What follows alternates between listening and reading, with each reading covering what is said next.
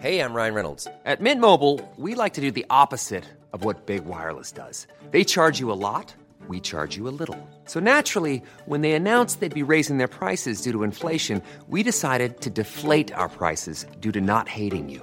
That's right. We're cutting the price of Mint Unlimited from $30 a month to just $15 a month. Give it a try at mintmobile.com slash switch. $45 upfront for three months plus taxes and fees. Promo rate for new customers for limited time. Unlimited more than 40 gigabytes per month. Slows. Full terms at mintmobile.com. Hold up. What was that? Boring. No flavor. That was as bad as those leftovers you ate all week. Kiki Palmer here, and it's time to say hello to something fresh and guilt-free. Hello Fresh. Jazz up dinner with pecan-crusted chicken or garlic butter shrimp scampi. Now that's music to my mouth. Hello Fresh. Let's get this dinner party started. Discover all the delicious possibilities at hellofresh.com. Hi, I'm Daniel, founder of Pretty Litter. Did you know cats tend to hide symptoms of sickness and pain? I learned this the hard way after losing my cat, Gingy. So I created Pretty Litter, a health monitoring litter that helps detect early signs of illness by changing colors, saving you money and potentially your cat's life. Pretty Litter is veterinarian developed, and it's the easiest way to keep tabs on your fur baby's health right at home. Go to prettylitter.com and use code ACAST for 20% off your first order and a free cat toy. Terms and conditions apply. See site for details. Tjänare, tjänare. Innan avsnittet sätts igång idag så ska vi informera er om våran härliga tävling som vi pratade om i förra avsnittet. Vi ska ju anordna en stor paddeltävling här i Göteborg och den går i stapeln den 15 maj. Och då har vi hyrt ett ställe här i Göteborg som eh, nyligen vann bästa paddelhallen i Sverige. Så vi har hyrt åtta stycken banor som de har inne i den här hallen och vi har hyrt dem mellan 11.00 till 14.00. Tre timmar. Första halvtimmen så kommer vi ha lite folk på plats eh, som kommer lära ut lite tips hur man ska spela paddel. Så det spelar ingen roll om du är nybörjare eller om du har spelat mycket för vissa av dessa som ska lära ut är svinbra. Så 15 maj helt enkelt så eh, ska ni få lite information snart hur ni ska göra för att få möjlighet att vara med i den här tävlingen. Vi kommer bli 32 personer som spelar där i tre härliga timmar. Eh, vi kommer att prata mer om den här paddelhallen i nästa avsnitt. Vi kommer även prata lite mer om våra sponsorer som har fått till den här härliga tävlingen. Och det är ju naturligtvis Göteborgs Måleri. Härligt, tack snälla. Och så är det Svensk Brandkonsult. Vi ska prata mer om dessa två företagen också i nästa avsnitt. Allting har precis sytts ihop här idag bara för några halvtimme sedan kan vi säga. Tyvärr så drog jag min vad här nu för tre timmar sedan så jag själv kommer inte kunna vara med på den här. Det brukar ta runt 8-10 veckor innan den läker. Jag bara kände i vaden hur det bara pupp och så kände jag bara ja, en rejäl bristning. Det är röva som vi säger här i Göteborg. Men eh, ja, jag får väl sitta jämte och vara domare istället. Reglerna då för att ha möjlighet att vinna den för ni härliga lyssnare ska få möjlighet att vara med och spela med oss. Och de jag kan nämna nu som är klara då, det var i förra avsnittet Marks Vulkan då, Glenn Hussein, Christian Huselius, den gamla hockeyspelaren och han kan jag säga dig. Jäklar, då har vi en paddelspelare av rang. Eh, Eh, nu ringer Peter Öhl också om jag får se bort dig. Eh, det är också Niklas Andersson, komikern. Jag kan säga dig, vi har riktigt härliga namn på gång. Så jag hoppas få besked under helgen. Men vi släpper dem vecka för vecka. Tävlingen kommer pågå i 5-6 veckor. Så eh, ingen stress heller med den här tävlingen och fixa det här direkt. Utan man kan göra det om en ja, två veckor också. Det ska vara så. Men risken är att ölen tar slut. Så här kommer reglerna då. För att ha möjlighet och eh, vara med i den här tävlingen så ska man göra så här. Man går in på systembolaget.se Söker efter Gött ölen och då är det Gött mellanslag Enna. Eh, det är viktigt att skriva det annars hittar man inte ölen. Och när man kommit in där på Systembolaget loggat in med, med sina grejer man ska göra så eh, beställer man hem det till sitt lokala systembolag där man bor. För vi sa ju i förra podden att det var bara i Munkebäck eh, den här tävlingen gällde. Att man var tvungen att beställa ölen dit, hämta ut den och ta kortet inne just Munkebäck. Men då har jag fått lite äta upp lite grann. Andra människor som inte kanske bor två, tre timmar från Göteborg vill också med i den här tävlingen. Ehm, så man kan beställa den till sitt eh, systembolag där man bor helt enkelt. Men det är viktigt nu då. Först gör man det. Sen tar det 5-6 arbetsdagar när man får ölen hem till sig, till det bolaget. Går och hämtar ut den. När man är inne på själva systembolaget så tar man ett kort där inne. Och det ska synas att det är på den affären man är på. Som man kommer att skriva sen. Eh, och sen när man tagit det kortet så går man hem. Eller till och med kanske in i butiken. Då är det så att på våran Facebook-sida som heter Gött denna. Där har vi lagt upp en tråd längst upp på festen. Ja, jag, jag vet inte ens vad det heter. Men vi har fäst ett, ett, ett inlägg där helt enkelt. Tävling kallar vi det bara. Eh, paddetävling naturligtvis kallar vi det. Eh, och i det kommentarsfälten så, så lägger man bilden där. Eh, och så skriver man vilket systembolag man hämtat ut det på också. Det är vi supernöjda om, om ni gör det. Eller man måste göra det för att få med och tävla då. Och när man har gjort det så kommer jag vara aktiv och gå in och titta så får ni ett nummer. Så första personen får ju nummer ett. Eh, och sen nummer två så går jag ner så ger det. Sen har vi en slumpgeneratorn i själva avsnitten. Som kommer då ta fram vinnaren. Eh, fem tävlingar framåt i alla fall, eller sex blir det nog till och med. Eh, och så berättar vi det i podden så får man lyssna vem har vunnit eller inte. Och så får man vara med den 15 maj och spela paddel med oss i tre timmar. kommer bli skitbra. Så vår Facebook-sida Gött denna, glöm inte det. Där måste ni posta upp det. Nu är det bara så här att vi pratade om det där Munkebäcks eh, systembolag här i Göteborg. Att det var det vi ville att alla skulle hämta ut den på. Och det ligger på Torpavallsgatan 4. Så Torpavallen, kommer ni ihåg den gamla grusplan som låg där? Ja, härliga tider. Eh, det låg även en gräsplan där, så två fotbollsplaner. Men där är Systembolag nu. Dit, om man tar en bild, beställer ölen dit, tar en bild där inne så att vi ser att det är inne på Munkebäck. Då, eh, då får man två siffror med i tävlingen helt enkelt. Ja, god lyssning. Nu är det fredag. Nu är det fredag! Nu är det Götterna. Götterna. Direkt från Göteborg. Med Micke Månaden och Glenn Hysén. Välkomna! Götterna. Hallå, hallå, hallå! Det var Glenn här och Micke Målan. Eh, välkomna till Gött Enna-podden. Idag har vi en... Eh, vad ska man säga? En, eh, en kvinna, en dam, en tjej. Som har gjort något helt fantastiskt. Hon har startat en, eh, en välgörenhetsorganisation som heter Vid din sida. Och detta är alltså ingen mindre än Jeanette Höglund. Tackar, tackar. Härligt. Vi är ju nu på ditt kontor då, eller? Ja. Välkomna hit får jag säga. Ja, det är Tack, gött. tack. Vi ska ju säga dig välkommen först. Ja okej, ja, tack. Och Glenn har ju varit där förut. Ja, Så jag kommer inte ihåg var det låg riktigt. Nej, det var mitt i om- bostadsområdet, så likadant som allting annat. Så Ja. att jag har inte koll på var det var någonstans. Nej, men det är inget ovanligt kan vi säga. Nej, nej, nej. Helst när du sitter jämte i ratten också. Då, Ja. då har du inte koll på läget. Nej, fladda gärna. Ja. Men bara en fråga. Du presenterar ju vid din sida där Glenn. Och du och Camilla har ju varit här uppe och hjälpt till. Eh, Kan du berätta lite grann varför Glenn och Camilla har kommit hit och vad är, vad är själva organisationen? Ja, så vi hjälper ju äldre hemlösa pensionärer och fattigpensionärer. Och jag, nu kommer jag faktiskt ihåg exakt hur det var för att eh, jag har haft lite kontakt med Camilla på Instagram. Hon har likat och sådär va. Och en kväll så ringde hon mig och helt plötsligt så svarade det jag svarade tänkte jag, hej Camilla, då är det Glenn i telefonen. Tjenare! Jag bara shit, pratat med Glenn. Och då började vi snacka och sa han att det var så bra det vi gjorde och initiativ och sådär. Och så började vi snacka lite och planera att det skulle komma upp faktiskt. Eh, och på den vägen är det. Och efter det mötet när ni var i soppköket första gången så var det väldigt rörande och fint och alla blev så glada när man träffade Glenn liksom och gubbarna och tanterna de älskar ju fotboll liksom. Så det var en bra kväll, eller hur? Det var Ja, jättetrevligt var det. Helt suveränt. Och till och med du var lite rörd där då? Ja, nej, men man är inte van vid sånt här. Nej, Det är, precis. det är ju fan inte sant att det, att det finns överhuvudtaget. Vad, vad trodde du Glenn innan du kom upp?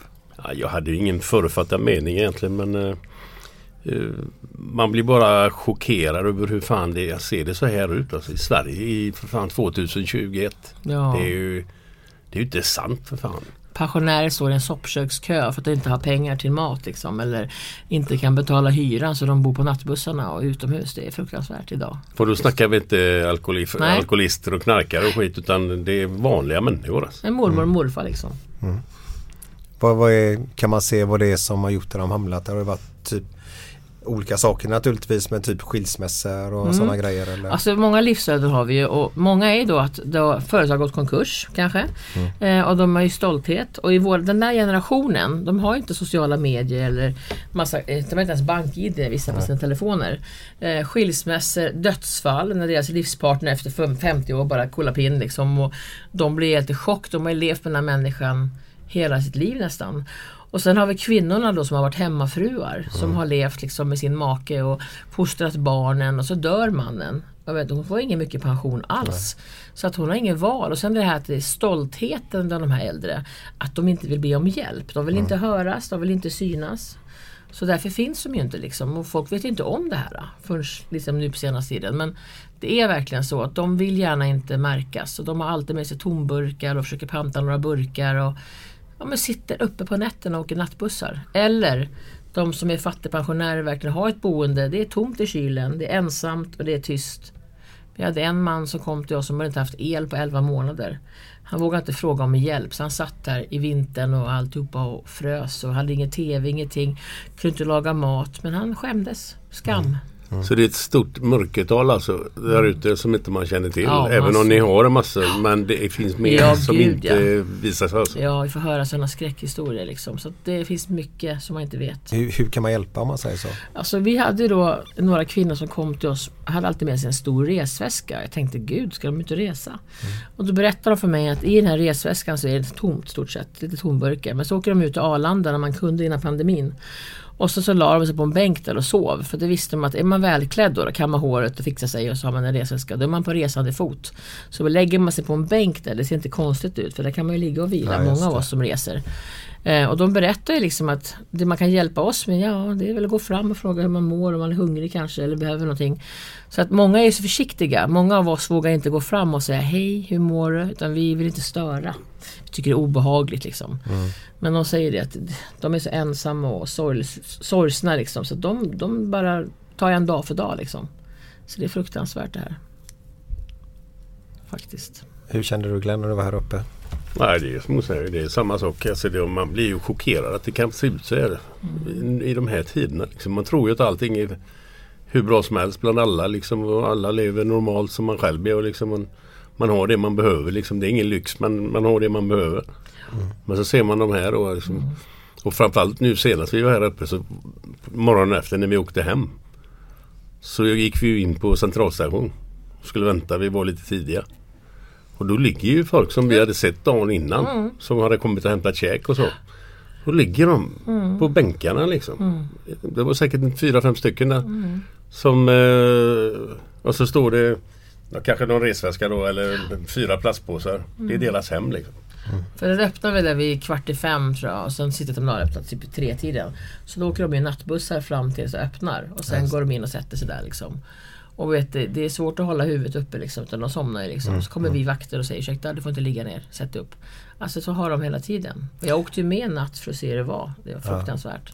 Var, var det där du fick upp när du jobbade som eh, vakt? Var det där du fick upp ögonen för detta? Ja men det var ju 2016 i oktober jag åkte. Jag jobbade som ordningsvakt i tunnelbanan på T-centralen. Och när jag gick en rondering så såg jag liksom kvart i tre på natten kanske. Kvart i två. Det som, jag hörde någon som grävde i soporna.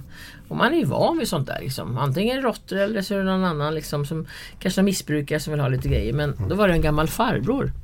Som liksom stod och letade tomburkar. Jag tänkte han luktar så gott, han var så fin. Han luktade Fahrenheit kommer jag ihåg. Som min pappa, hela perrongen luktade Fahrenheit. Så gick jag fram till honom, men det är en sån här klassisk parfym. Ja, ja, jag jag, kände, ja, jag kände direkt såhär, haft fan utan min pappa. Har haft den, jag har Ja men det är pappa kvar det. där fortfarande. Men det var verkligen så här. Och så hade han liksom en plånbok med en kedja fast i bakfickan och så en kam och så.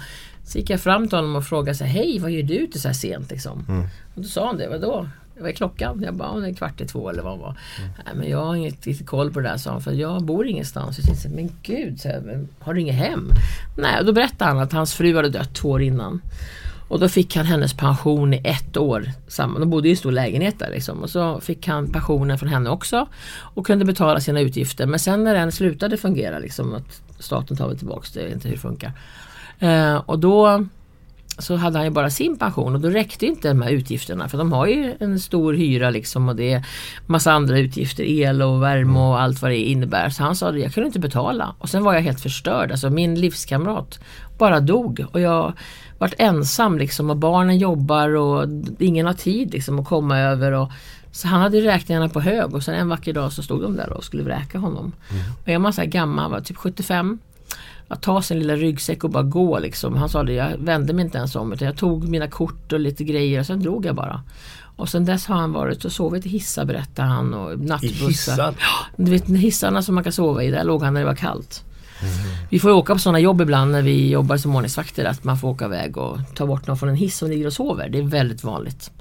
Eh, och de luktar ju kiss och grejer. Det här är ju inga roliga hissar att sova i. Så tänk att vara pensionär och sova bland det här va. Så att eh, han, den här historien tog jävligt hårt på mig. Jag kände jag är van att se missbrukare liksom. Eller dyngraka som har somnat efter en hel kväll. Men att se en pensionär liksom som inte bor någonstans. Den tog. Så då åkte jag hem och så gjorde jag livesändning på Facebook och sa vad jag hade sett. Och jag sa det om ni swishar mig pengar så ska jag klä de här äldre och så ska jag ge dem mat och så ska jag se till att det blir ordning. Och folk bara swishade mig vet du. Och jag, men gud, fick ihop 35 000 tror jag på en vecka. Oj. Så jag fick ju stoppa det sen och så berättade jag vad jag skulle göra och hela tiden livesände och visade. Så att åkte jag iväg och köpte massa grejer. Tog med min kompis och köpte vantar och mössor och skor. För han berättade att de satt på Centralen då, de äldre. Och på den vägen är det liksom. Så att jag bestämde att en kväll att nu ska jag åka ut kvart i elva on, en onsdag kväll. Så gick jag in där bland de här äldre som hade sina sop, nej, så här, vanliga plastpåsar med tomburkar i mellan knäna. De sov så här med nickande huvud, så här, gavnacke. Och jag går fram så här, hej hej, jag heter Jeanette och jag har lite mat och lite kläder till er ute i bilen här ute. Och de tittar på mig som om jag vore galen liksom. En stor amazonkvinna kommer dit och bara hej hej. Men de följde med mig ut vet du. Jag hade med mig 32 stycken ut. Oj. Hela vägen, en svans ut till min bil. Där jag hade två bilar så öppnade upp bagageluckorna. Där hade vi sorterat allting. Så large, medium, small. Så hade vi en liten kaffevagn med mackor och sådär. Och så sa vi det att det enda jag vill ha nu det är en kram. Och sen att ni tar av er det gamla och får det nya av oss. Så vi hjälpte dem att klä på dem. Och vi slängde det gamla och du vet, de tittade så här, och trasiga skor med eltejp. Du vet att de var alltså gamla människor. Och de såg och grät lite grann och jag grät, det var hemskt. Liksom. Det var ju väldigt rörande att se det här. Och vi pratade och det som alltid förvånar mig när jag gör det här det är att de alltid har humor och kan skratta och bjuda på ett leende. Liksom. Det märkte du också vad Ja, glada de var när du stod där och garvade. Och... Så att, eh, men då sa de till mig sen att kommer du komma tillbaka? Och då sa jag det, jag kommer komma varje onsdag och söndag så länge det behövs. Och det har jag varit. Jag har inte missat en onsdag eller söndag, 2016, så det är ganska kul. Och vi firar nyår, vi firar midsommar med dem, vi gör julbord, vi liksom gör allt vi kan. För att de ska få känna sig som du och jag. Liksom. Det är häftigt och det är uppskattat. Men det, det är en annan grej som är jävligt eh, imponerande, eller vad ska man säga, det är ju att vem som helst kan ju inte komma upp och ställa sig i den där kön. För nu sist var det någon jävla idiot som stod och gapade där och som inte behöver det liksom. Mm. Ja, Går upp precis. och ska ha gratis käk. Ja. Vad är det för jävla idiot? Och gå förbi kön och bara gå fram och Ja. lyfta på grytorna typ och kolla vad det är. Eller om det nu är någon eh, pundare eller Ja. Mm. någon alkoholist eller vad fan det är. Det är ju inte dem det handlar om liksom. Utan det är, och ni har ju stenkoll på Ja, vilka vi som är, som är där. Och det där blir problem ibland. I början så när jag stod där så hade vi fyra stycken ganska unga missbrukande kriminella med tatueringar på halsen som drog kniv mot mig. Och skulle minsann plocka mig. Och då kom min kollega upp bakom mig. Och vi är van, vi är van att se sånt där i tunnelbanan så jag vart inte ens rädd. Utan det jag tänkte på det är att jag måste skydda de här äldre. Så då kom den här jävla ordningsvaktsblicken vet du, och jag blev borrade upp mig som en tjäder vet du, upp vingarna. Och blev helt galen. Skrämmer iväg de här fyra. Och Dorran, min kompis här bakom, hon stod där också. Vi var beredda att alltså, försvara oss. Liksom. Men de drog. Så det har varit så att kriminella som kommer försöker såklart. De är också, det är liksom ett liv på gatan, det är tufft. Men nu har det börjat bli så att de förstår att de äldre får först. Och är man trevlig och snäll och ödmjuk så får man vänta så får man det som blir över. Så delar vi ut det som är över sen och ställer fram det eller går ner på centralen. Men de äldre ska ha först. Så det gäller att ha respekt där. Har, du- har du, eh, är det svårt att Alltså dra den linjen måste vara svårt känslomässigt också eller? Det är svårt att säga nej. Ja. Alltså de som kommer till oss, oftast är de utsatta på något sätt. Va? Och jag menar, det är alltid så. Jag brinner lite för missbrukare också, men jag jobbar mycket med det. Kriminella missbrukare. Så här, jag tycker att de har en häftig historia också. Och, Och det är sorgligt va. Men samtidigt så, nej, nu har vi, värnar vi om de äldre. Och för mig är det en grupp som är väldigt skör och utsatt. Så att jag säger bara det, tyvärr alltså. Även om jag vill så kan du inte få det just nu. Du får vänta. Och i början liksom, klart att man vill bara säga, åh gud jag vill verkligen hjälpa alla. Men nej, det är stenhårt. Man måste liksom. Och då lär man sig. Ja, jag hörde att Glenn kom hem efter första resan där.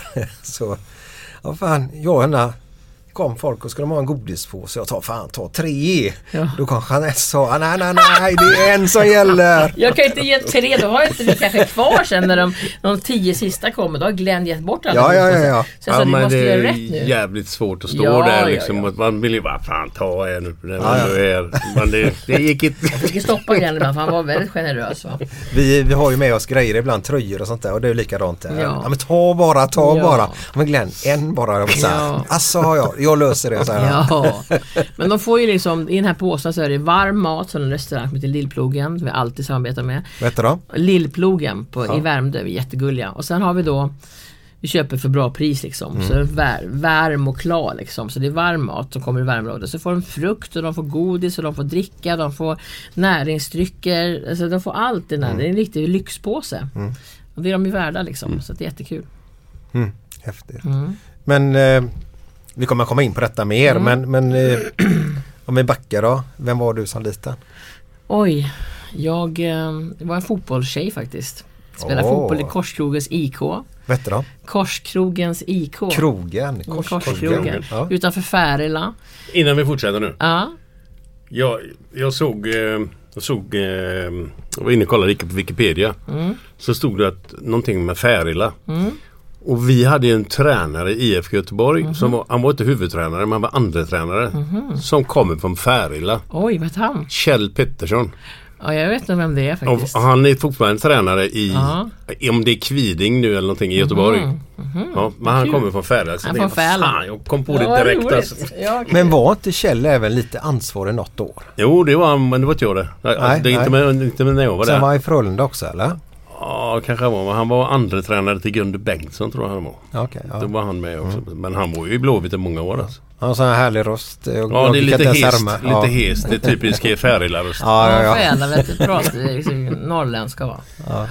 Körv och man pratar liksom Ja. pär och fläsk. Potatis och fläsk. Ja. Så det kommer jag ifrån. Och sen eh, syskon, lilla syster och en halvbror. Och jag har vuxit upp där liksom. Och, eh, ja, men där på, alltså det är som skillnad på att växa upp då och nu. Alltså där satt man i byn på en trapp som heter Knaps. Och där kom det militärer från Fönö då, då. Och vi raggade lite där. Va? Jag åkte moppe, Syndap KS50 hade jag. Synda. Ja, en Syndap Ja, kom ja. med blank tank där och gick i skolan och väldigt duktig idrott liksom. Ehm, ja, men jag hade Fotboll en och- lycklig fotboll och aldrig varit idrott på skolan Ja, ja. bara. Men jag var en liten talang där faktiskt. En lat jävel har alltid varit. Alltså, det var, de fick ju sätta mig på bänken första halvlek alltid för att jag skulle trigga igång. Va? Och sen när jag kom in andra halvlek, alltså jag var snabbast i hela serien.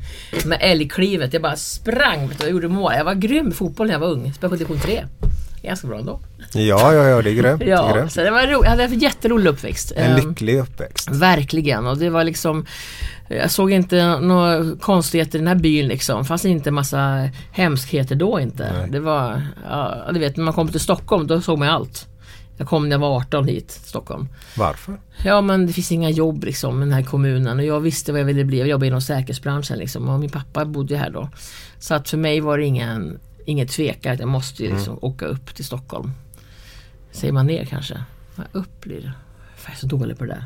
Upp och ner. Ja, vi Jag åker ju känner upp i fall. Ni åkte ju upp i alla Ja, fall. Jag Ja. känner att det låter ner. Ja det kanske gör. Kanske. Nej men jag är geografi, jag, hade, jag var väldigt dålig i skolan. Alltså jag var väldigt glad och glad och sprallig tjej och klassens clown. Men jag var så jävla dålig vet du. Jag var enda ute var jumpa. Men du vet matte, Företagsakademi hade en svajande etta på. Så hon sa till läraren att det här är nästan, den faller nästan för så dålig är jag. Så jag var i katastrof. Alltså det är ett sjukt. Och då kan vi bara förtydliga att var man bara på lektionerna Ja, så fick man automatiskt en etta. Jo, men så var det ju. Och här var det ändå sämre då. Ja men alltså, jag var så dålig men ändå var jag så här glad och tyckte om det. Skolka aldrig men jag var fan trög alltså. Men eh, för att det inte var roligt. Är det roligt så är det bra. Ja exakt. Många tjejer har svårt för matematik. Ja. Att polletten Ja, ändå precis. trilla ner. Ja men så är det ju liksom. Jumpa var jag bra på. Eh, och sen svenska var väl okej på liksom. Engelska sådär va. Men eh, Nej, jag var glad ändå. Ja, ja, ja. Jo, Ja. jo, men vad fan det kan man ju... Ja, fast mycket annat. Det med- finns så mycket annat roligt i Ja, ja, livet. Ja, ja, ja. Och så kom du hit. Så kom jag hit när jag var 18 och sen började jag jobba som... Men forward där, alltså, vi kan inte släppa fotbollen helt. Nej. Nej, jag var Eh, forward alltså. Ja. Mm. Men vadå, ja, alla de flesta forwarden är ju lite lata. Ja, Eh, jag hatade löpningen vet du. Vi skulle ut jogga. ja, men vem fan gör inte det? Ja, men jag kommer ihåg en gång stod jag och krattade i kyrkbacken där uppe i kommunen va, på sommarjobb. Och då visste jag att vi skulle löpträna på kvällen. Och vet, de springer långt va. De andra hurtiga tjejerna vet. Jag bara åh, jag bara kände Snälla låt mig stuka foten någonting. Jag bara, bara tänkte så när jag stod och krattade. Ta mig fan jag trampade i en grop och stuka foten. Så jag fick ju åka, vet, så här, jag behövde inte springa då, då. Jag var ju ledig i fotbollen och så åkte jag, fick jag åka på gräsklipparen man sitter på resten Ja, av sommarjobben där. Så jag slapp ju den här jobbiga fotbollssommaren utan jag var bara i, ja, men i bandage om man säger så. Det var skitbra. Du blev inte frälst efter det? Alltså, Nej. jag kände att det var ett Guds... Guds Det var kanske lite så här, tecken. Guds, Gud Teck- ser dig Jeanette. ja. Ja, men lite så här, spring inte, det är inte bra. Så att därför höll de mig på andra halvlek, så jag fick sitta där och ladda va? och så orkade jag en halvlek, det orkade jag liksom. Ja. Så det var bra. Det var tidigt det. Men vad skönt, alltså när man har den känslan för sin barndom. Ja, men den var otroligt bra. Jag har haft en otroligt lycklig uppväxt. Det kan inte vara lätt att vara tonåring Men hade idag. inte, ni- hade inte ni eh, droger och sånt hos er? Och, Nej, där drack de hembränt och det var hemmafester liksom och Mm. eh, de tog väl utav farsan och morsans eh, barskåp liksom men det var inga så här eh, de rökte på eller Barskåp, dunkar var det väl? Ja, det kanske var hembrännstunkar men det var inte alls som det är idag. Alltså det är helt sjukt. Där var det så här oskyldiga små fester liksom. Ja.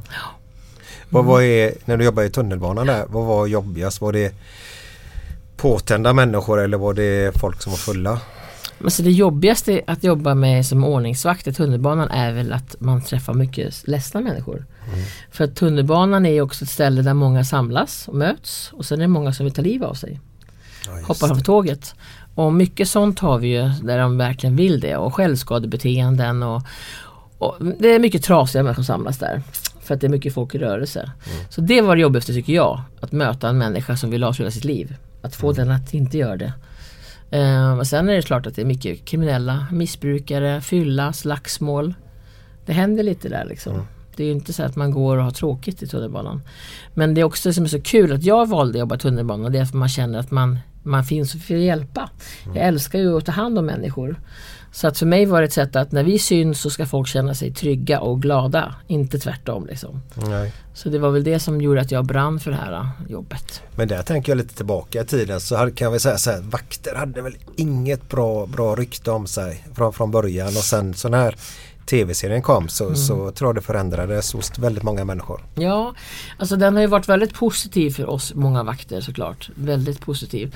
Så det gäller ju att man liksom får en, man måste förstå att när, när människor filmar en situation, då har de inte filmat från början. Nej. Utan då filmar de bara det de vill se. Så att de kanske filmar när man bojar någon människa eller sitter på en människa. Liksom. De har inte boj, följt med när den här människan har precis försökt våldta en människa och vi har precis gripit den. Det filmar man aldrig. Utan det gäller att man måste förstå att vi håller inte på utan orsak. Det finns alltid en anledning till allting. Folk vill ju se vad de vill se liksom, det är ju så. Ja men så är det. Så är det. Men Har du varit i närheten någon gång när någon har hoppat eller? Ja, gud ja. ja. Flera gånger? Ja. Faktiskt, det är väldigt tragiskt. Fan. blir mycket folk och man måste ta bort människor. Och... Så det är jättetragiskt är det. Det är, ingen, eh, det är ingenting man önskar. Det som jag tycker är så svårt är att när man hjälper då en människa som mår väldigt dåligt och att de tar upp den här människan till psykakuten så kan de släppa ut den människan tre timmar senare med lite tab- tabletter. Och då vill han ju tillbaks eller hon tillbaks och ta livet av sig. Så det finns ingen liksom riktig eh, ett sätt att få bort dem. Man måste få riktig hjälp. Det får man inte idag riktigt. Nej och eh, vill man då ta livet av sig så kan man ju faktiskt man ljuger för läkaren för att komma Ja, ut naturligtvis. såklart. Men sen också är det så här att de som säger så här, nu ska jag ta livet av mig och hoppa. Det är ett rop på hjälp. De vill gärna inte hoppa, de vill ha hjälp. För att vill man verkligen ta livet av sig då brukar man inte reklamera det. Och Nej. säga, eller säga det att man, nu ska jag ta livet av mig. Utan då gör man det bara. Så att de som är där nere, de vill ofta få hjälp. Liksom. Ja vad sorgligt men Glenn vi kör lite fredagskänsla ändå. Japp.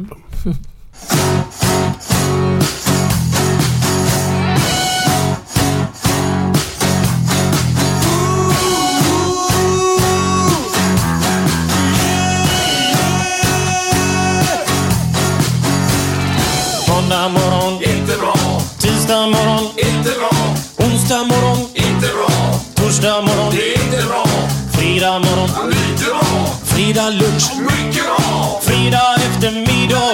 Underbart! After work med karaoke. Man får en öl och pyttipanna. Fredag kväll och livet leker. Man kan inte säga annat än att jag har det gött nu!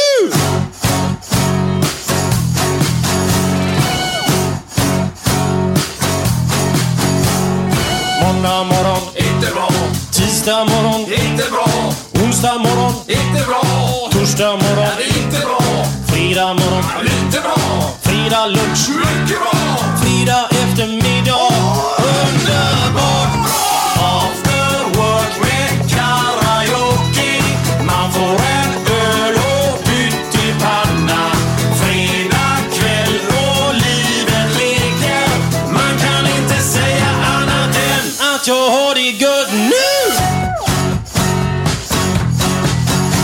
Ja, det hade vi den underbara låten After Work med Björn. Ja, nu glömde jag. Rosenström. Rosenström. Jag skulle sagt Hedenström, men det är, mittbacke i Hammarby. Förut. Björn Rosenström. Hette han Hedenström? Björn Hedenström, ja. Ja, ja. Var han bra? Ja, mycket bra. Ja. Slutet på...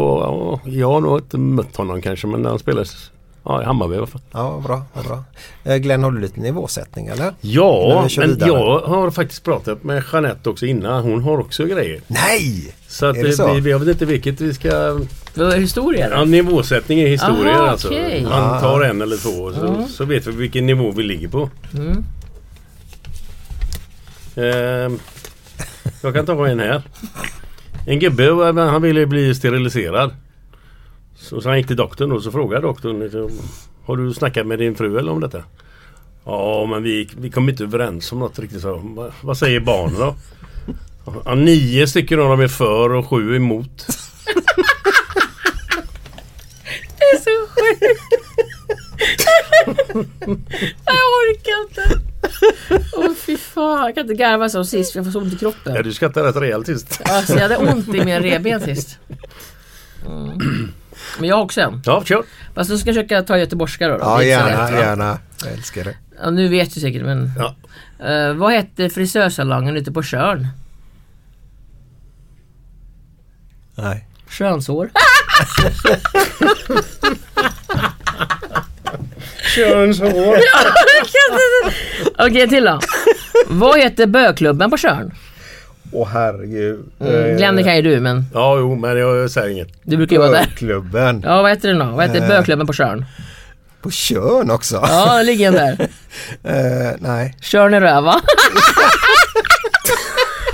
Och röva. Och så lite hest. jag orkar inte. Ja, ja, visst. Jajamän. Ja, men det har vi börjat bra. Nu har vi höjt nivån här. Jag, jag älskar att du själv älskar dem Ja så men mycket. jag älskar dem så jävla bra. Jag garvar varje gång. Mm. Det var någonting jag tänkte på. Får vi skit för det också. Har du några mer Glenn? Alltså, ska vi ta en till? Eller har du, vill du spara alla till slutet? Nej, jag ska bara se hur mycket vi har kvar här. Eh, Den har vi. Eh, Den har vi. Nej, det är ju... vi kan Kör vi Kan ta en till då? Ja det tycker jag. Ehm, Kvinnor de står ju för eh, 55% av alla trafikolyckor. Vilket är ganska högt med tanke på att eh, ratten sitter ju inte på deras sida. Jag måste ju ta en också då. Du är ju blondin eller hur? Ja faktiskt. Alltså inte där nere. Märks inte, inte där nere. Hon Eller jag där vet inte. Hon har varit på Tjörn. Det kan man Hon har blekna. varit på kör. Jag tror det har bleknat med åren. Ja. Jag har inte kollat på länge. Ja. Nej, nej. Eh, vet, blondinen ringde hem till sin man och sa Bilen startar inte. Va? Blondinen ringde hem till sin man och sa bilen startar inte. Nej. Och då sa mannen, men älskling, när jag inte är med ska du sitta på vänstersidan. Men gud. Nej men fy fan vad dåligt. Men här då. Vad sa Adam till Eva när de tvättade snippan i havet då? Åh, jag har hört. eh, Simon sa väl det, Mm. Åh, vad var det? Nej. Vad sa Adam till Eva när han tvättade, snipp, när han tvättade snippan Nej, jag har hört det men jag kommer inte ihåg det. Den där lukten kommer fiskarna aldrig bli av med. Han har du så rätt. Nej fy fan, ni måste vara allvarliga här. Ja, lite. Herregud. Ja, men du var inne på Göteborg där. Tjörn Ja. ligger lite ovanför Göteborg då. Ja, Eh, men du, det var några vakter som ringde ner från Göteborg till dig. ja just det, vi har ju kollegor även där i Göteborg. Mm. Ordningsvakter på centralstationen där. Då ringde de mig och sa att de, eller de skrev till mig. Jag, jag hade faktiskt läst om en som heter Sten. Mm. En man som eh, var hemlös och äldre. Och så hade de gjort ett reportage om honom och så hade hans dotter sett sin pappa efter typ 20 år. Och kom och hämta honom på centralen för han var där väldigt mycket. Men så tänkte jag så här i mitt huvud, det kommer aldrig gå. För att en pappa som har varit frånvarande och dotter i över 20 år och så ska hon ta hem honom till sig. Och sen ska de liksom börja om från början. Det kommer inte funka. Han kommer vara tillbaka på centralen inom några veckor och mycket riktigt det var inte. Så jag tänkte jag ska åka dit och prata med honom. Så jag tog tåget och pratade med vakterna där och de sa ja, men han sitter där och där, vi kan visa dig när vi nu kommer. Så jag åkte dit och träffade Sten. Han satt där i en rullstol och sov lutades ner mot bröstkorgen så här och satt och sov. Liksom. Han var där jämt. Jag tänkte, ska det vara så här liksom? Så jag pratade med honom, han berättade jättemycket att han hade varit utförsäkrad, han hade jobbat även i Norge och jobbat där och då ska han ha någon pension därifrån också men det gick ju inte för han vet inte hur man gör. Alltså de här har inte ens bank-id på sina telefoner, de har gamla knapptelefoner. Hur ska de kunna lösa saker och ting? Men vi hjälpte till där lite grann och fixade lite grejer till honom så han skulle få det lite bättre. Men, och så pratade vi med någon kommun där han var hemhörande också, att få sitta där liksom. Och, eller få komma dit och bo där. Men du vet, det funkar inte systemet riktigt. Nej. Så att eh, han var hemlös väldigt länge tydligen. Och nu har han bara försvunnit så vi vet ju inte var han har tagit vägen. Men skillnaden på Stockholm tror jag och Göteborg är att jag tror att det är mera, det är inte lika mycket hemlösa pensionärer i Göteborg. Men däremot tror jag att det är lika mycket fattigpensionärer. Så att det är också lika tragiskt liksom. Så vi försöker hitta ett ställe att vara i Göteborg. Så vi kommer komma till Göteborg.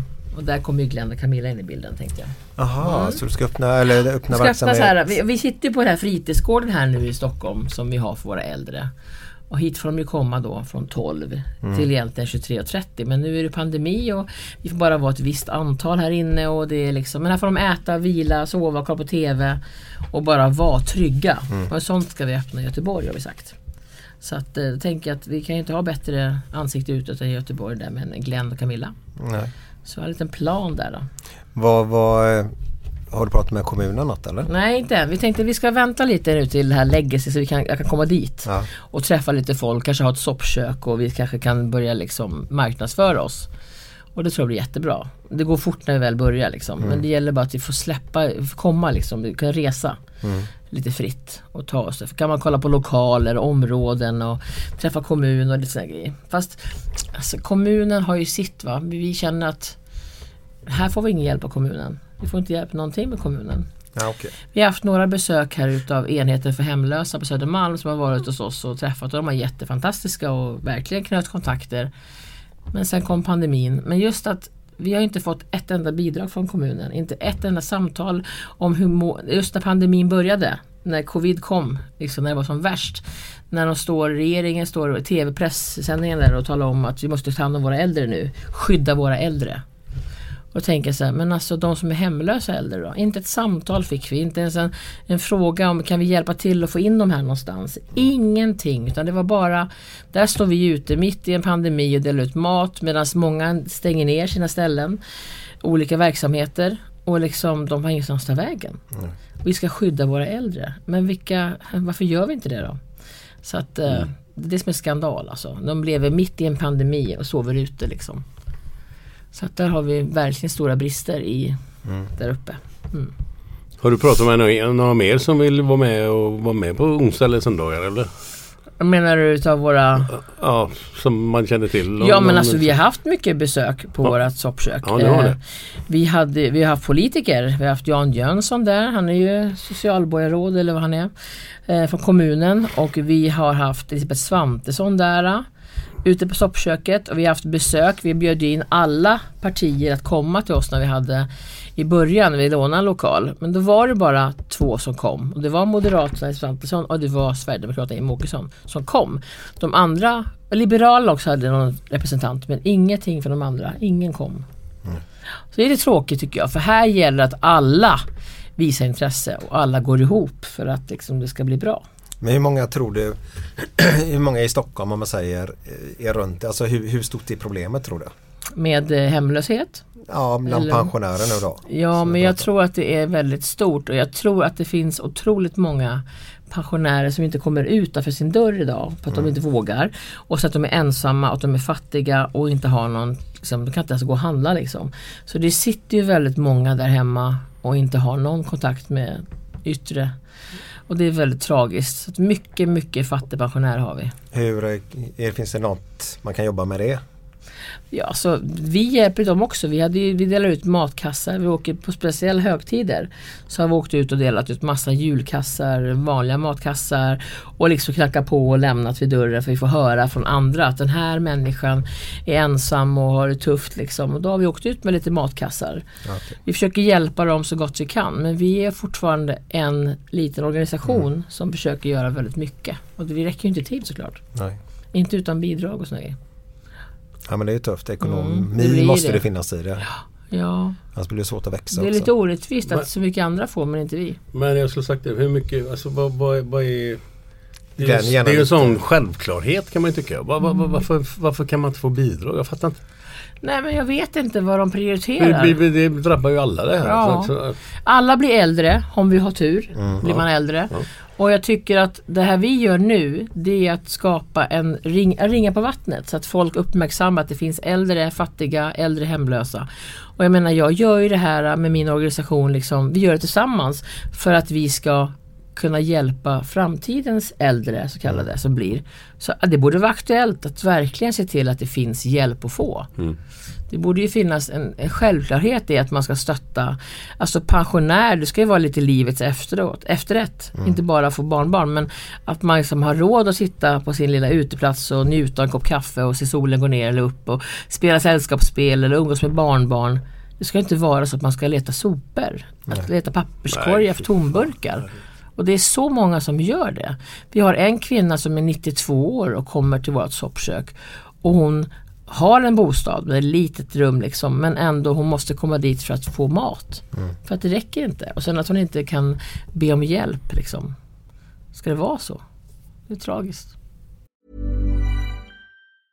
I'm Sandra, and I'm just the professional your small business was looking for. But you didn't hire me because you didn't use LinkedIn jobs. LinkedIn has professionals you can't find anywhere else, including those who aren't actively looking for a new job but might be open to the perfect role, like me. In a given month, over 70% of LinkedIn users don't visit other leading job sites. So if you're not looking on LinkedIn, you'll miss out on great candidates like Sandra. Start hiring professionals like a professional. Post your free job on linkedin.com/achieve slash achieve today. Hold up. What was that? Boring. No flavor. That was as bad as those leftovers you ate all week. Kiki Palmer here, and it's time to say hello to something fresh and guilt-free. Hello Fresh. Jazz up dinner with pecan-crusted chicken or garlic butter shrimp scampi. Now that's music to my mouth. Hello Fresh. Let's get this dinner party started. Discover all the delicious possibilities at hellofresh.com. Even when we're on a budget, we still deserve nice things. Quince is a place to scoop up stunning high-end goods for 50 to 80% less than similar brands.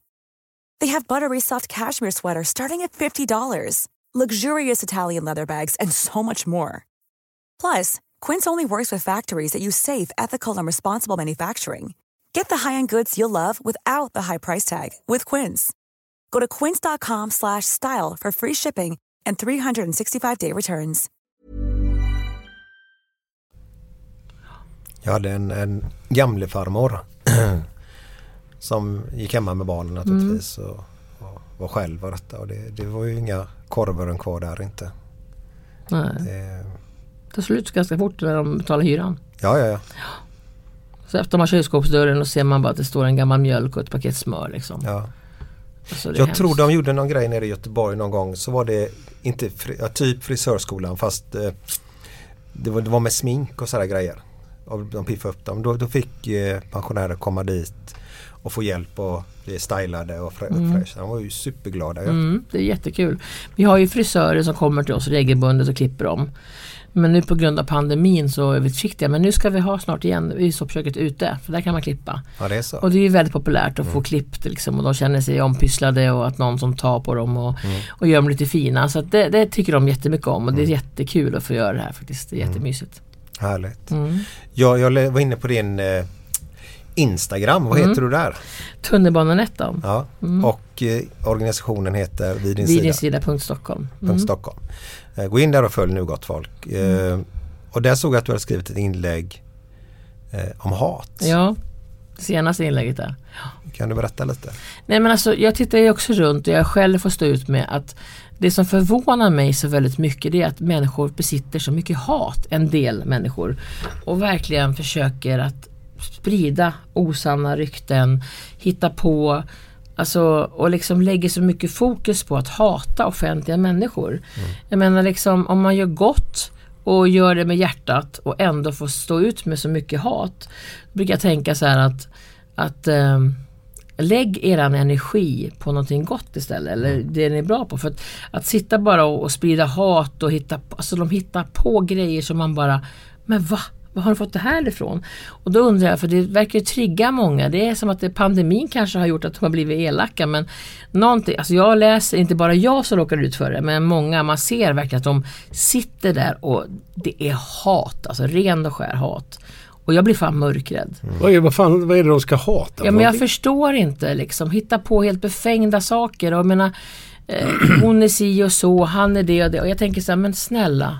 Ibland vill jag bara sätta mig med de människorna och bara, vad är det som triggar dig att hata mig? Är jag en ond människa? Ja, ah, du går runt där i TV och tror att du är så himla bra. Jag bara, nej. Jag går runt och gör mitt jobb. Och jag menar liksom, om jag var en elak jävel, om jag var en sån som slog människor eller om jag, jag var en, liksom en, en människa som verkligen avsiktligt gjorde dumma saker, då kan jag förstå om man får hat. Men när man gör gott och man ser människor på ett sätt, jag ser alla människor likadant liksom. Jag dömer inte bara efter skalet utan man öppnar liksom upp och ser vad som finns på insidan. Och jag menar liksom, jag älskar människor. Det spelar ingen roll liksom vem du är, var du kommer ifrån. Jag tycker om människor sedan jag var liten. Och ändå så när de sprider sån här dynga liksom. Och sen när de börjar dra in mina husdjur eller att de ska göra det med dem. Då blir jag så här, men va? Alltså, hallå? Det är ju synd om dem. Jag Ja, tycker det är- synd om är människorna. lite mer för korkade. Ja men jag tycker ingen- synd om dem faktiskt. Men jag, om du kollar hela nätet idag. s- Mm. Det är så mycket hat där ute så det, det är sorgligt Ja. ju. Och det växer ju våra barn upp med. Ja. Och det är ju lite grann eh, Vi kan ju säga vad vi vill men barn gör ju som vi gör. Mm. Och när vi vuxna då beter oss så jävla illa på nätet. Vad kommer inte barnen göra till slut då? Ja, de säger sina föräldrar att, att alltså ibland tänker jag så här, jag hoppas inte du har barn. Du som skriver så elakt. Mm. För att, att se sin mamma eller pappa skriva ren och skär lögn och hat, det kommer inte göra det, det är gott med barnet. Alltså, Men, kommer... men skriver de i öppna profiler alltså? Ja, nej ibland så, det är ofta väldigt mycket, vissa gör faktiskt det. De Ja. har sina profiler. Sen är det de som har noll följare och som har en Okej. konstig bild. Och de kan inte ens stå för vad de skriver liksom. Men det är ändå många som gör det och eh, jag tänker att jag, man har lust att bara, men snälla du, du får gärna komma och besöka oss. Eller liksom, Mm. du kan få en kram om du vill. Kanske det du behöver, en kram. Men vad, vad är det värsta du har varit utsatt för? Nej, men jag har haft mycket jag har fått lappar på min bilruta där det står sätter du bilen nästa gång så ska den inte, då kommer inte bromsarna ta. Det är ganska jobbigt. Ehm, men det har varit lite konstiga saker. Jag kanske ska ta det här men man blir, jag blir så här shit. Men ändå så blir jag inte så här "Åh, nu ska jag låsa in mig. Tvärtom. Nej, jag mm. tänker de ska inte stoppa mig. Utan jag blir bara så här, men stackars jävlar alltså. Ni måste ha det jävligt jobbigt hemma. Tänk att vara så full av hat. Vilket tråkigt liv de måste ha. Att lägga så mycket energi. Det är bättre att sitta. Kan du titta dig i spegeln och tänka så här, fan idag är en bra dag och jag mår bra. Om man kan göra det, då är man en bra människa. Men kan man inte kolla sig i spegeln och tänka, jag gör bra saker. Då ska det fan inte gå ut. Men är det inte bitterhet? Jo, det är grundas på? bitterhet, svartsjuka, avundsjuka. Alltså det är mycket sånt tror jag. Som triggar liksom. Glenn Men, då? men jag fattar inte. Ja, du, får, du, får du inget hat Glenn? Ja. Du är en god gubbe, alla älskar Glenn. Men alltså har du någonsin fått lite så här, din jävel? Nej. Du är ju god och glad och alla tycker om dig. När vi var ute och gick så tänkte jag så här. Många brukar komma till mig så här, åh Jeanette och tunnelbanan Mm. och vid din sida. Och, men går man med Glenn då syns man inte. alla bara, åh Glenn! Alltså det kommer alla bara, tjenare Glenn! Och Glenn bara, tjena tjena! Alltså jag blir så här, wow! Alltså alla känner Glenn. Ja. Det är fint. Det är häftigt. Ja. Mm. Stackars Camilla. Kan inte komma många steg när ni ska gå ut. Ja, jo, jo. Man får inte ha bråttom när man går med det i alla fall, det kan man säga. Nej, men... Man ska inte vara pissnödig. Nej, Nej, men... vi var ju... ja, barnen har ju berättat bland annat och Camilla kan berätta också. Men vi var ju på Liseberg, kommer du ihåg det? Vi spelade in för Hyséns när vi Ja, gjorde ja, den. ja. Och den filmningen tog ju lång tid för att göra de två minuterna. Alltså. Han kom ut en meter. "Hey, Glenn! Och så skulle ju ta bilder hela tiden. Jag förstår det. Och där går ju Annie och Anton jämte. Men det var ju Glenn, Glenn, Ja. Glenn hela tiden. Och Glenn Strömberg, vi ska ju gjort en podd med honom i juni förra året. Då sitter vi på utserveringen där och drack. Eller ni dricker och jag ska försöka inte dricka. Eh, och då är det studentavslutning eh, i Göteborg.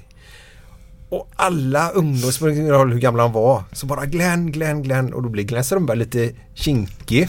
Fan, du mer känner mig här ju! och det var väl bara bilder på Glenn i scen då. Ja, ja. Ja, men det är härligt liksom. Det är Så kul. det- måste vara härligt att få så mycket kärlek. Absolut, jag Ja. gnäller inte alls. Det måste verkligen vara eh, roligt. Som, som ni säger, alltså det är lite grann beror ju på hur man är själv. Liksom. Ja men precis. Men grejen är, jag måste säga det, det är inte så alla tror att jag hatar mig. Det är en väldigt liten klick som ger mig Ja. negativt. Det, Rick. Det är faktiskt så. Det är vara 95% 90, kärlek. ja, ja. Otroligt värme och fantastiska människor. Men när man är lite så här, ibland har man dåliga dagar. Ibland är man lite känslig. Kanske har PMS du vet och den är inte kul. Då kanske man läser någon kommentar. Vänta här nu, vänta här nu. Ja, men- Är det- vänta, är det mensgrejer? Ja det är det. Jag får sådana vallningar ibland som bara kommer upp i ansiktet på en. Är det sådana här mensgrejer? Åh! Då är det inte kul och då kan jag bli lite blödig va. Vad står, vad står det för? Nej, men- PMS? Jag vet inte, premenstruella, menstruella, jag kan inte ens uttala jag vet inte. PMS. Vad har män eh, som är något liknande? Nej vi har inget sånt. Nej jag har inga sånt. Ni, när ni inget. blir förkylda då är det katastrof Ja, liksom. Då är det, det bara, vi har. åh på dör. Manlig förkylning, Ja, MF. Den, ja. Men det är väl det liksom. Nej men absolut, alltså det är jättekul att göra det vi gör. Vi får mycket kärlek och uppskattning och det är jättekul. Ja men det är det hatet, det sätter sig hos Ja, dig och det så kan det äta ju. upp dig som människa. Jag har lärt mig nu att nu rinner det av mig. Utan Du tänker så att de kommer inte åt mig längre. Va? Utan nu tänker jag så här ofta när jag läser så här, men gud. Stackars människa, var har han fått det här ifrån? Och så tänker jag så här, men den här mår ju inte bra. Alltså jag tycker synd om dem. Jag tänker så här, men stackare, alltså du har det inte roligt. Så att, eh, nej, så att det kommer Kan- inte åt mig riktigt. Kan man blocka folk på Instagram? Ja, men det kan man göra. Men Okej. det brukar man inte, jag gör inte det så ofta utan när det är återkommande samma person som Ja, okej. skriver då kan jag tycka att det blir tröttsamt att se för det är ingen som reagerar. Men när, liksom, när någon skriver någon kommentar, jag låter den bara in, det får bara vara liksom. Det, låt dem komma. Vad- Hur kändes det för dig? Ursäkta, hade du vattenglass? Det här också bakom dig där. Ta lite. Jag dricker därifrån. Du får det är därifrån. Nej, inte samma sida här nu. det blir inget bra. Hur kändes det att bli eh, känd på TV? Över, Ja. inte en natt men nästan. Nej, alltså jag är faktiskt med i en dokusåpa 2002. Har det du är det? ingen som vet om nästan. Vilken då? Ja, Villa Medusa. Ja, det känner jag igen. Ja, det var bland de har första. Nej, men där var jag lite så här. Alltså grejen är, jag dricker ju inte alkohol jag pökar inte TV va. Och grejen är så jag tänkte så ingen som kommer märka av mig. Ja men alltså det är ju lite så. Det är ju ingen så här.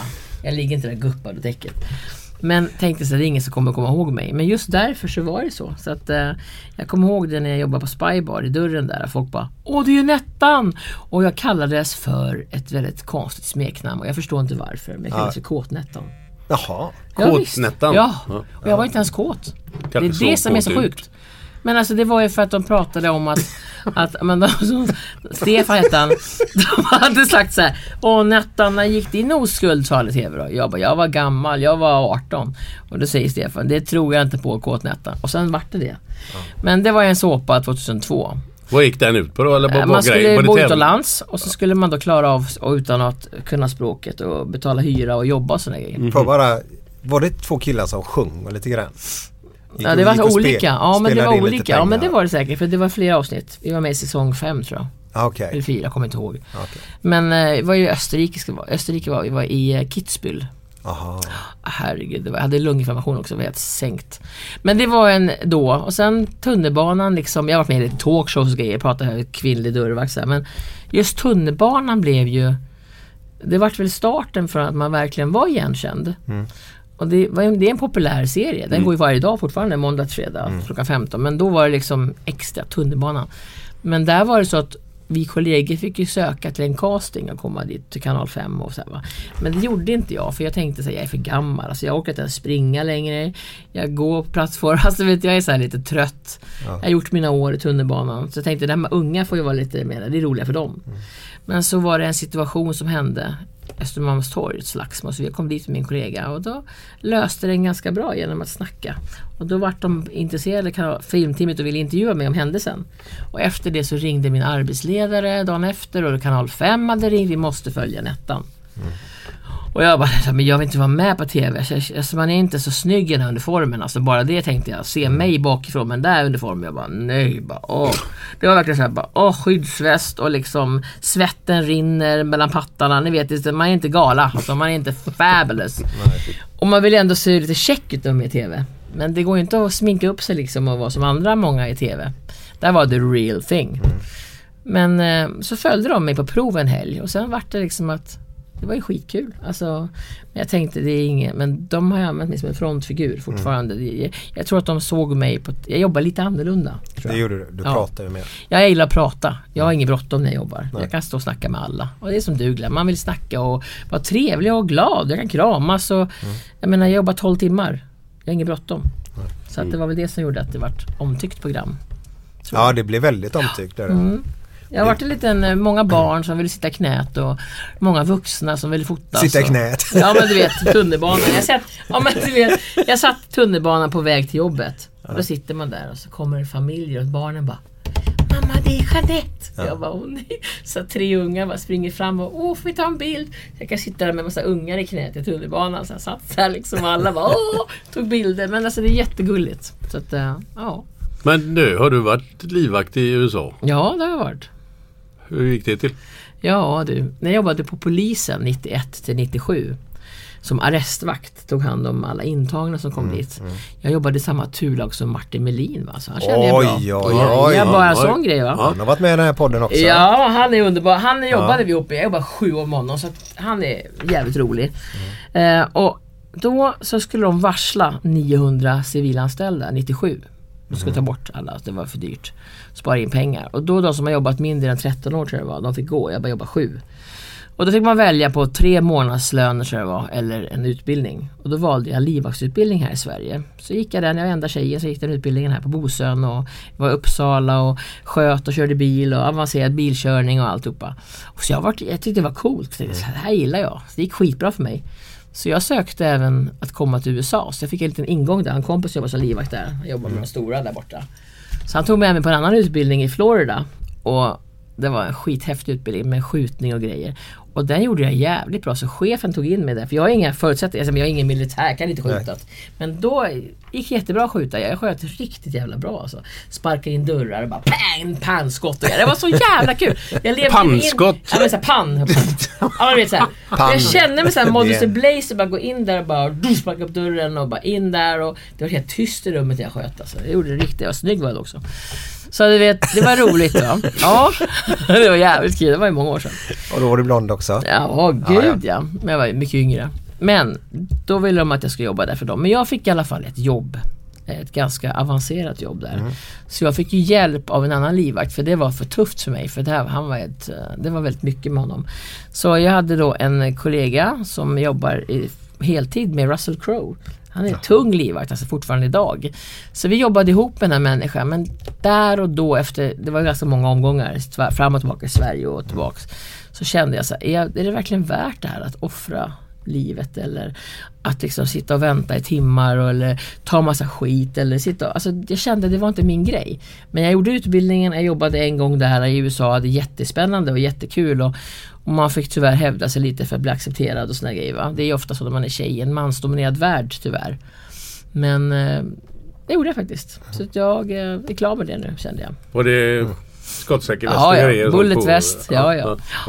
Så att, eh, men det var kul att få göra det här och se Mm. en annan värld liksom. Och, men det, jag beundrar de som gör det för det är ganska tufft. Tänker på Säpo som åker runt och skyddar alla politiker. Alltså vilket ansvar. Jag tänkte säga det för det har ju exploderat det där med livvakter nu gud sista ja. tiden. ja. Och det är så mycket hotbilder och grejer Ja. så att jag beundrar dem och jag känner att idag skulle jag själv behöva en nästan. Ja, ja. ja. Han Lars Viks har livvakter jämt? Lars Viks. Vik, eller vad heter han? ja, i, i, i JK. Han är rondellhundsnisse. Ja, ja, ingen aning. Jag tror han har Mhm. livvakter. Mm. Kunde han tagit de pengarna och gett till, till pensionärerna istället? Ja, precis. Så. Ja. Vad hade du för konkurrens förresten med Årets stockholmare förra året? Eh, ja men så här sen var nu Årets stockholmare. Att jag vann den, det trodde jag faktiskt inte jag skulle göra. För jag tänkte sjukvården kommer ju vinna. Alltså de har jobbat under pandemin här och Ja, ja. slitit håret av sig. Men jag vann med ganska stort, alltså det var skitkul. Mm. Det var väldigt häftigt. Så jag är Årets stockholmare faktiskt. Mm.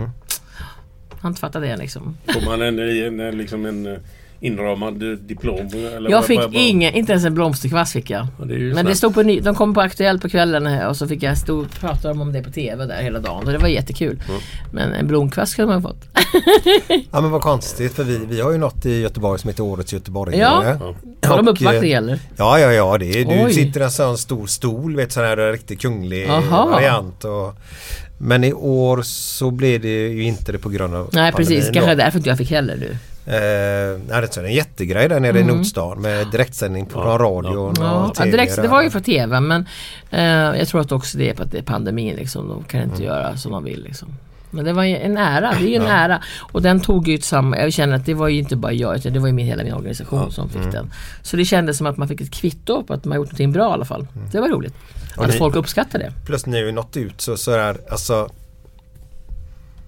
Ni har ju börjat att kasta stenen i vattnet. Man säger ringarna sprider ju sig. Mm, precis. Och det är ju det som är styrkan i en Ja. organisation tycker jag. Ja, att vi har kommit, nått ut och att vi har gett de äldre ett ansikte. Mm. De här hemlösa och fattiga. Att vi har gett dem en röst och ett ansikte. Så att nu vet folk att wow, det finns faktiskt människor som är äldre som har det jävligt. Liksom. Mm. Hur många är ni som jobbar nu? Ja, vi, i våran, alltså så att vi är typ så här 13 volontärer. Sen har vi en styrelse och vi har eh, människor som hjälper till, våra sponsorer och våra företag. Alltså det är en, fantastiskt. Men volontärer är 13. Som är ute i soppköken och håller på och delar upp och så. Så på gården här har vi ju så alltid fyra stycken som är tillifrån. Så det är jättekul och det funkar väldigt bra. Vi är ett fantastiskt gäng alltså. Jag skulle inte vara någonting utan dem kan jag säga. Ja men så är det. Men Ja. på den här gården kan folk gå och komma som de vill eller? Ja, är man äldre så är man välkommen hit och komma och knacka på. Liksom. Vi måste bara förklara. Gård, Mm. det låter i, Ja, eller i gård. Göteborg så är det en gård. Mm. Eh, Det är fritidsgårdspensionärer. Ja. Mm. Fattiga och hemlösa får komma hit och duscha, tvätta kläder, få ett varmt hemlagat mål mat, lite lunch. Alltså det här är som att komma hem. Det är väldigt hemtrevligt här, det tycker Åh, ni ja, hur? Ja, mysigt. Och det är Ja. jättemysigt här och de tvättar och liksom vi försöker vara att det ska kännas som att komma hem. Och de som är här nu, vi får ju vara 13 stycken sammanlagt. 10 kvadratmeter per person. De säger ju det själva att man, det är som att man kan komma hem, ställa av skorna och sitta i soffan och kolla på, nu kollar de på sport på TVn. Alltså, Ja, de är ju älskar ju det. Ja. ja. Alltså då somnar de i soffan, går och lägger sig i vilorummet och får mat. Så vi skämmer bort dem. Och det kan vi göra tack vare alla sponsorer. Och vi skulle inte ha haft den här gården. Alltså den här gården var, det här var bara mögel, vattenskador, det fanns inga blöt, eh, våtutrymmen, det fanns, allting var bara kaos. Så vi har renoverat upp den här gården för massa miljoner med tack vare våra sponsorer. Givare eh, och så vi har haft lite föreläsningar, fonder och såna grejer. Så att vi har klarat det tack vare det. Så det är jätte, jättekul. Att det sitter här nu. Men jag tror att de flesta behöver en tillhörighet också. Ja, precis. Det är många saknar ju det. Mm. Så det jag tänkte Glenn, har du blivit årets göteborgare någon gång? Du har inte blivit det va? Nej, inte vad jag vet. Nej, Nej. Du, du hade vetat det om du hade blivit Ja, det jo, jo. Men en staty har du väl? Nej. På torget någonstans? Vilket, vilket torg? Statyer får man väl inte för man är död? Nej, men det kan Ja och vissa bygger ju en egna och vissa eh, fixar, ja vissa får. Ja. Det, Zlatan alltså man förknippar ju Göteborg med dig liksom. Du borde ju få en staty. Jo men det jag. finns ju säkert hundra sådana som... eh, Inte jag känner hundra. inga andra göteborgare. Nej men jag menar det finns säkert folk som inte jag vet som gör ett megajobb som du gör här. I, kanske i Göteborg, inte just med den biten men med andra bitar och sånt där som, som säkert skulle vara mer värda det än Vi har mycket bit. kyrkor som jobbar för, för Ja. men de inriktar sig inte bara på en, en grupp så tror jag Nej. utan det är mer, Nej. mer är du bostadslös Och det är jättebra att det finns här. Och jag menar vi är så många organisationer och många jobbar ju i det dolda. Mm. Men de är ju inte mindre bra. De är ju skitbra för det liksom. Ja, ja. Bara för att jag har fått strålkastarljuset på mig är ju för att jag har varit med i tunnelbanan och att jag Mm. kanske Men jag har försökt använda den offentligheten till någonting bra. Mm. Sen är det de här som jobbar i det dolda som är minst lika viktiga och minst lika bra. Det som är svårare tror jag det är att jobba med många olika grupper. Det är svårare att kunna kanske göra 100% bra då kanske. Mm. Utan det blir lite mer spretigt kanske. Vi fokuserar på en grupp och då är det lättare att liksom gå in 100% på det. Mm. Men det är så bra att det finns många olika. Ja, du, du pratar här när jag kopplar upp eh, våran Mm. utrustning så Mm. pratar du någonting att eh, eh, era styrka är att det här är lugnt och skönt, det är inte massa bråk. Mm. Och det blir det ju oftast när man har olika Precis, det kan ju bli så att det blir liksom olika grupper som möts och krockar de liksom. Mm. Det kan ju vara missbrukare, kriminella missbrukare, fyllskallar, eh, någon som bara är hungrig för dagen liksom. Eller så är det de här trasiga stackars fattiga va. Så står de och så blandar man dem i en kö. Det är samma sak som härbergen är mycket för missbrukare. Om man då kör dit en pensionär, polisen kör dit en pensionär för de vill ju att han ska komma in. Men han vill inte vara, eller hon vill inte vara där. För att då ligger han kanske i en säng bredvid en missbrukare som helt plötsligt får en psykos på natten eller bara vill ha pengar till knark och rånar. Eller tar hans väska och går ut liksom. Det är mycket stök på härbergen tyvärr ibland.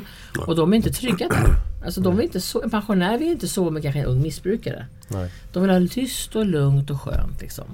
Så att eh, jag tänker själv, hur vill jag ha när jag är gammal? Det är ju det. Mm. Mm. Så att det måste tänka Ofta så tänker man ju som, som så som jag har mitt liv har ju alla andra det också. Mm. Då tänker man ju oftast. Ja men precis. Så, så är det bra att få upp ögonen och höra någon prata om det att så här ser det ut faktiskt. Ja precis, det är det. Vad är, vad är framtiden nu då?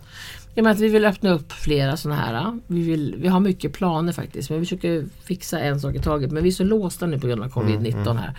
Men liksom, vi ska ju sprida oss såklart. Och vi ska, det ska finnas en, en liten sida i varje storstad tycker jag. Så att alla kan känna att det finns en trygghet om man blir gammal och fattig. Mm. Eller man, det behöver inte bara vara fattig. Man får inte glömma det. Alltså du kan komma en äldre och är stenrik. Och sen frågade en mig så här, hur vet ni vilka som är fattiga? Och då sa jag det att, men alltså grejen är så här att även fast du har pengar på banken och har det jävligt bra så kanske du är så ensam. Mm. Du sitter hemma och det enda sällskap du har är dig själv och radion eller TVn. Men du ser inga andra människor fast du har pengar. Att komma ut till oss och få skratta lite, social, det här sociala, att få kramas och få lite mat och bara bli sedd. Även fast du är rik eller fattig. Att få bli sedd är väldigt viktigt för alla människor på något sätt. Mm. Så att vi försöker liksom se människan, vem, vad den är liksom. Så att eh, det handlar inte om hur mycket pengar på banken. Det handlar om hur det är som person tycker jag. Alla behöver det. Det är ju den här tillhörigheten där. Ja precis, att känna sig att man är någon. Men är vi inte väldigt ensamma hushåll i Sverige? Jo men det tror jag är många. Alltså jag funderar ju på, jag är, singel. Jag har tre katter. Jag har ingen man. Jag har varit gift men jag är si- råsingel. För jag har valt det va. Men så tänker jag så här, jag brukar tänka så här, men gud tänk om jag bara blir gammal och så sitter jag hemma själv och så dör jag ensam. Så börjar mina katter äta på mig. Vem fan ska upptäcka mig? Jag har inga barn. Men de, de vill inte kannibaler katterna? Nej men de kan ju bli om jag inte får Men mat. kannibaler! Kannibaler! Nej! Nej jag menar inte så. Jag tar tillbaka det. Ja, nej men jag, liksom, jag har ju valt det här med singel. Men just jag tänker på när jag blir gammal. Så tänker jag så här. Tänk om jag är ensam då och bara dör och så posten travas på hög och ingen upptäcker mig. Man läser ju om det ganska... Ja, jag har den rädslan. Så därför vill jag att jag tänker så här, vad vill jag när jag blir gammal? Jo, jag ska finnas sådana här ställen, det ska finnas trygghet, en kontakt liksom och man ska få hjälp. Så att det är lite läskigt. Jag vill att det ska bli en bra ålderdom liksom. Det kämpar jag för. Så istället för att sitta hemma och svära över, fy fan vad det ser ut för de gamla, hur ska de ha det så här? Så klev jag ut och tillsammans med Vinens sida så försöker vi göra det vi kan. Mm. Och det är viktigast. Bra. Mm. Vad, eh, du jobbar ingenting i tunnelbanan Nej, nu är jag tjänstledig kan man säga. Precis. Jag har en sponsor idag som gör att jag klarar av det. Så jag kan få betala min hyra också, så inte jag hamnar här. Nej, nej. Så att eh, jag jobbade dubbelt i väldigt lång tid och det gick in i väggen för det är ju väldigt mycket att göra. Så att jag orkade inte det. Ja, det går så inte. till slut fick jag en fantastisk människa som sponsrar mig så att jag kan betala min hyra och mina Mm. grejer. Och så tur är så är man inte så dyr i drift. Jag menar ensam, inga barn. Jag gör inte så mycket. Liksom. Jag går till jobbet och går hem. Mm. Så att jag är inte dyr i drift i alla fall. Men, det- men det behövs en rejäl organisation om ni ska växa i andra städer Ja, också. men precis. Utan vi måste ju, då jag får åka runt. Ja, men alltså, man får ju åka runt och reka liksom. Ja. Nu har vi Göteborg, då har vi Glenn, Mm. Camilla. De har lite koll på vart det är bra områden och inte bra områden. Så kanske man åker till Helsingborg eller till Malmö. Vi måste åka runt liksom och se vad är behovet. Mm. Hur ser situationen ut för de gamla här? Är det så att det finns mycket fattigpensionärer här och de behöver en fast punkt? Ja, men då kanske vi kan lösa det. Så vi har ju planer på framtiden, verkligen. Och det är spännande. Så att jag visste ju från dag ett att jag skulle öppna fritidsgårdspensionärer. Och tack vare musklerna bakom mig. Jag är ju frontfiguren och grundaren. Men tack vare de här musklerna och erfarenheten och volontärerna så lyckas jag med min dröm. Och det är viktigt att säga att jag är frontfigur, absolut. Men utan muskler så skulle Nej, inte ens kommit nej, halvvägs. Vad fint. Så är det ju faktiskt. Så att, det hoppas jag att det finns i alla städer. Att vi hittar en frontfigur för varje videosida i en annan stad. Skitbra. Härligt. Mm. Eh, Efter den här härliga låten vi ska spela till dig nu då så eh, kommer Glenn tillbaka med massa härliga härliga vitsar. Vi kommer tillbaka. Jag har Vi kommer tillbaka. Du måste ha någon med.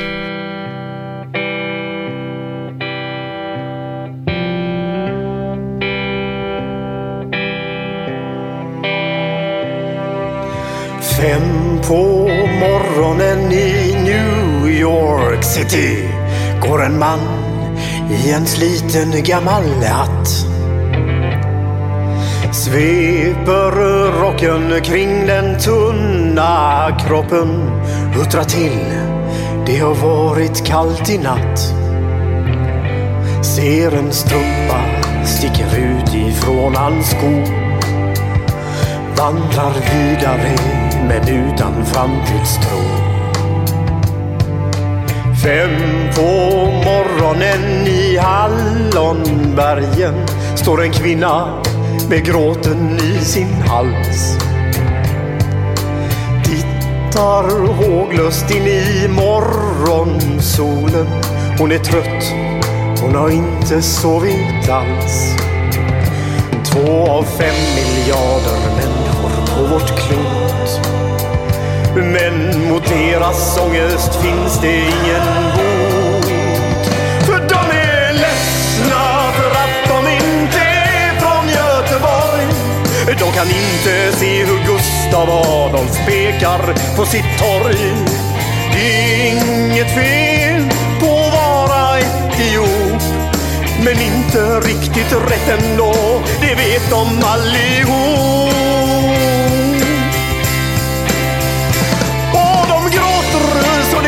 Det när de får en inre syn av hur vi som är från Götet tar en öl på Avenyn.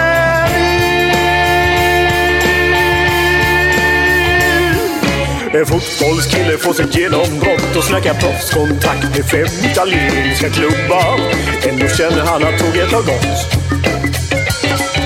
En annan gubbe med en ollontusing och en latextjuva skriker ta mig ur röven gubbar. Men det ger honom inte något. Samma tomma blick och tårar salta smak. Om man frågar säger båda samma sak. De är ledsna för att de inte är från Göteborg. Buss torg. Det är inget fel på att vara från Mölndalsbro. Men 14 stopp med fyran svider mer än man kan tro. Och de gråter så det krampar när de får en mindre syn Har vi vi som är från Götet, Har vi vi som är från Götet ehm, Uh, det var en Uh äldre herre som var hos läkaren. Så eh, säger läkaren, hur är det med kroppen nu herr Nilsson? Funkar det eller? Ja, jag, jag skiter varje morgon klockan sju sa han. Ja, det var väl bra sa läkaren. Nej, det vet fan. Jag vaknar ju inte förrän åtta.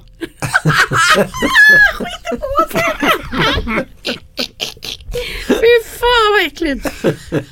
Ja men det här då. När blondinen klev av planet på Kreta sa hennes ena blygläpp till den andra. Vi ses om en vecka. Ja. Ja, fy fan. Ja. ja, den här då? Mm. Vad vill pundare helst ha på julafton? Va? Vad vill pundare helst ha på julafton? Jag vet inte. Inlagd sil. Osborn kom hem till Götet efter en veckas arbete på Volvo Skövde. Han träffar Karl som undrar var Skövde ligger någonstans. Osborn svarar då Det ligger inte långt från Afrika. Vad säger du? Jo, vi har en eh, svart man på jobbet där. Han cyklar hem varje dag.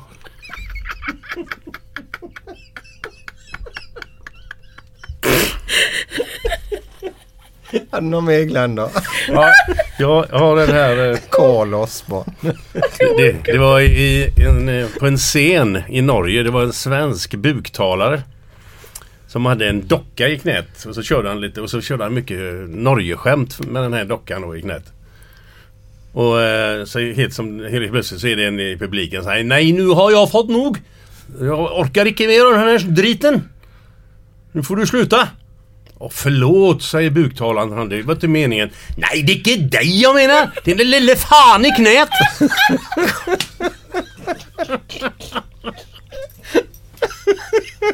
Alltså jag orkar inte. Åh gud. Japp. Alltså det hade ju så jävla många också när jag var på restaurangen där. Ja men det var ju bara... eh, Ja, det var så jävla. Ja, det var bra. Ja, du hade inget mer eller? Nej, inte... Ja, den här kan vi ta. Det var en magsjuk som eh, ringde till sjukhuset för att sjukskriva sig. Eller till, sjuk, till sjukkassan för att sjuk- sjukskriva sig. Och eh, då säger hon kärringen i luren där. Ja men då skickar jag över lite papper, eh, sa damen i luren där. då. Mm. Nej, nej, nej det behövs inte. Jag har rullar kvar, säger killen.